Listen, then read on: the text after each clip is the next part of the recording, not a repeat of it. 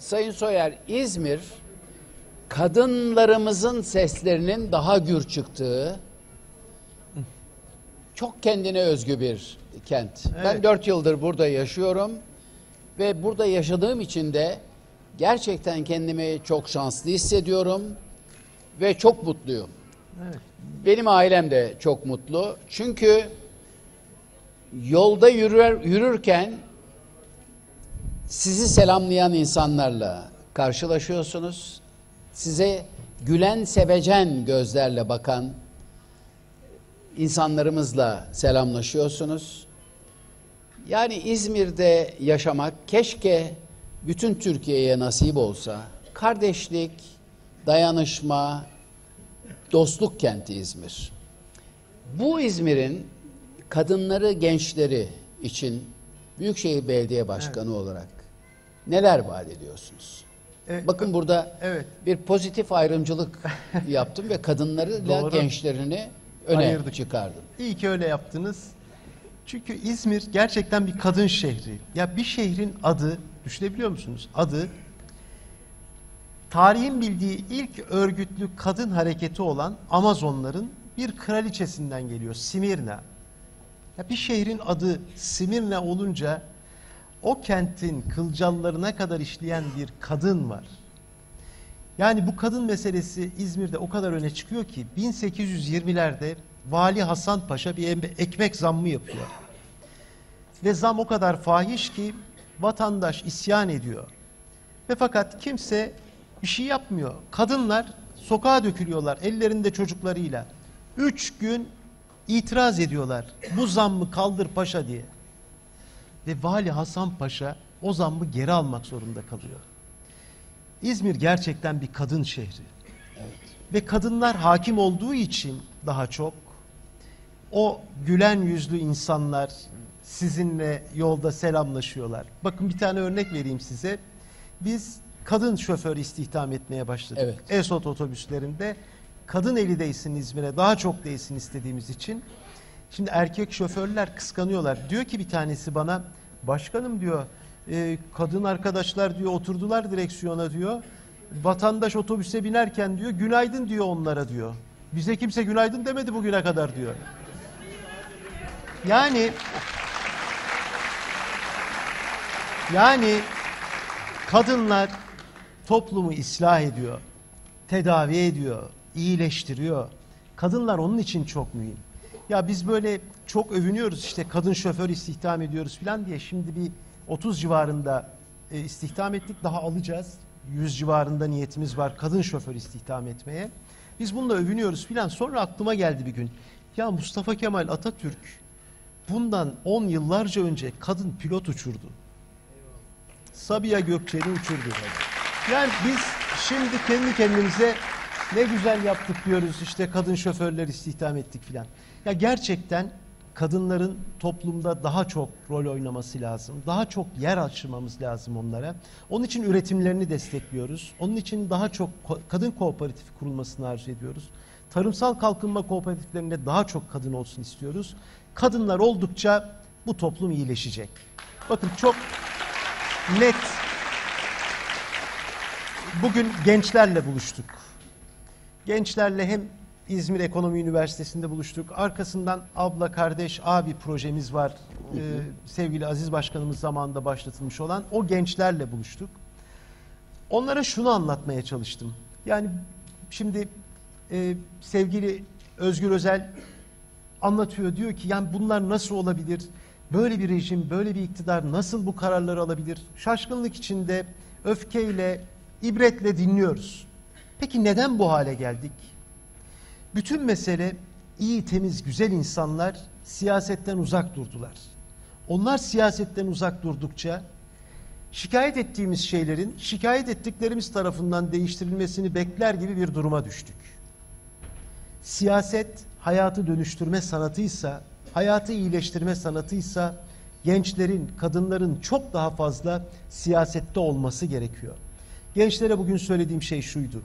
Bir, vicdanınızı diri tutun. Vicdanınızı diri tutun ki hem merhamet duygunuz hem sorumluluğunuzun farkına varın. Sorumluluğunuzun farkına varırsanız, kendinizi sorumlu hissetmeye başlarsınız, merak etmeye başlayacaksınız nasıl değiştireceğinizi, nasıl düzelteceğinizi. O zaman bilgi edinmenizin önü açılıyor. Bilgi edindikçe cesur olmanız gerektiğini göreceksiniz. Ve cesur oldukça yaratıcı olacaksınız ve özgürleşeceksiniz. Dolayısıyla gençlerin vicdanlarına sahip çıkmasıyla başlayacak bir zincirden bahsediyorum. Vicdan sorumluluğu, sorumluluk merakı, merak bilgiyi, bilgi cesareti ve cesaret özgürlüğü getirir. İzmir'de gençler vicdan sahibidirler. Kadınlar vicdan sahibidirler ve öyle olduğu için İzmir Cumhuriyet'in şehridir. Mustafa Kemal Atatürk'ün şehridir ve bunlara sahip çıkmaya devam edeceğiz. Şimdi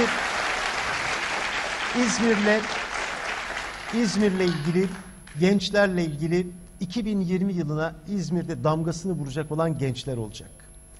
Gençlerin istihdamıyla ilgili, eğitimiyle ilgili, eğlencesiyle ilgili, yani kültür sanatla buluşmasıyla ilgili ve gençlerin donanımıyla ilgili, onların burslarıyla ilgili, hayatlarını kolaylaştıracak, kolaylaştırıcı bir takım projelerle ilgili yapacaklarımız var. 2020'de en çok gençlere önem vereceğiz. 2020 İzmir'de gençlerin yılı olacak.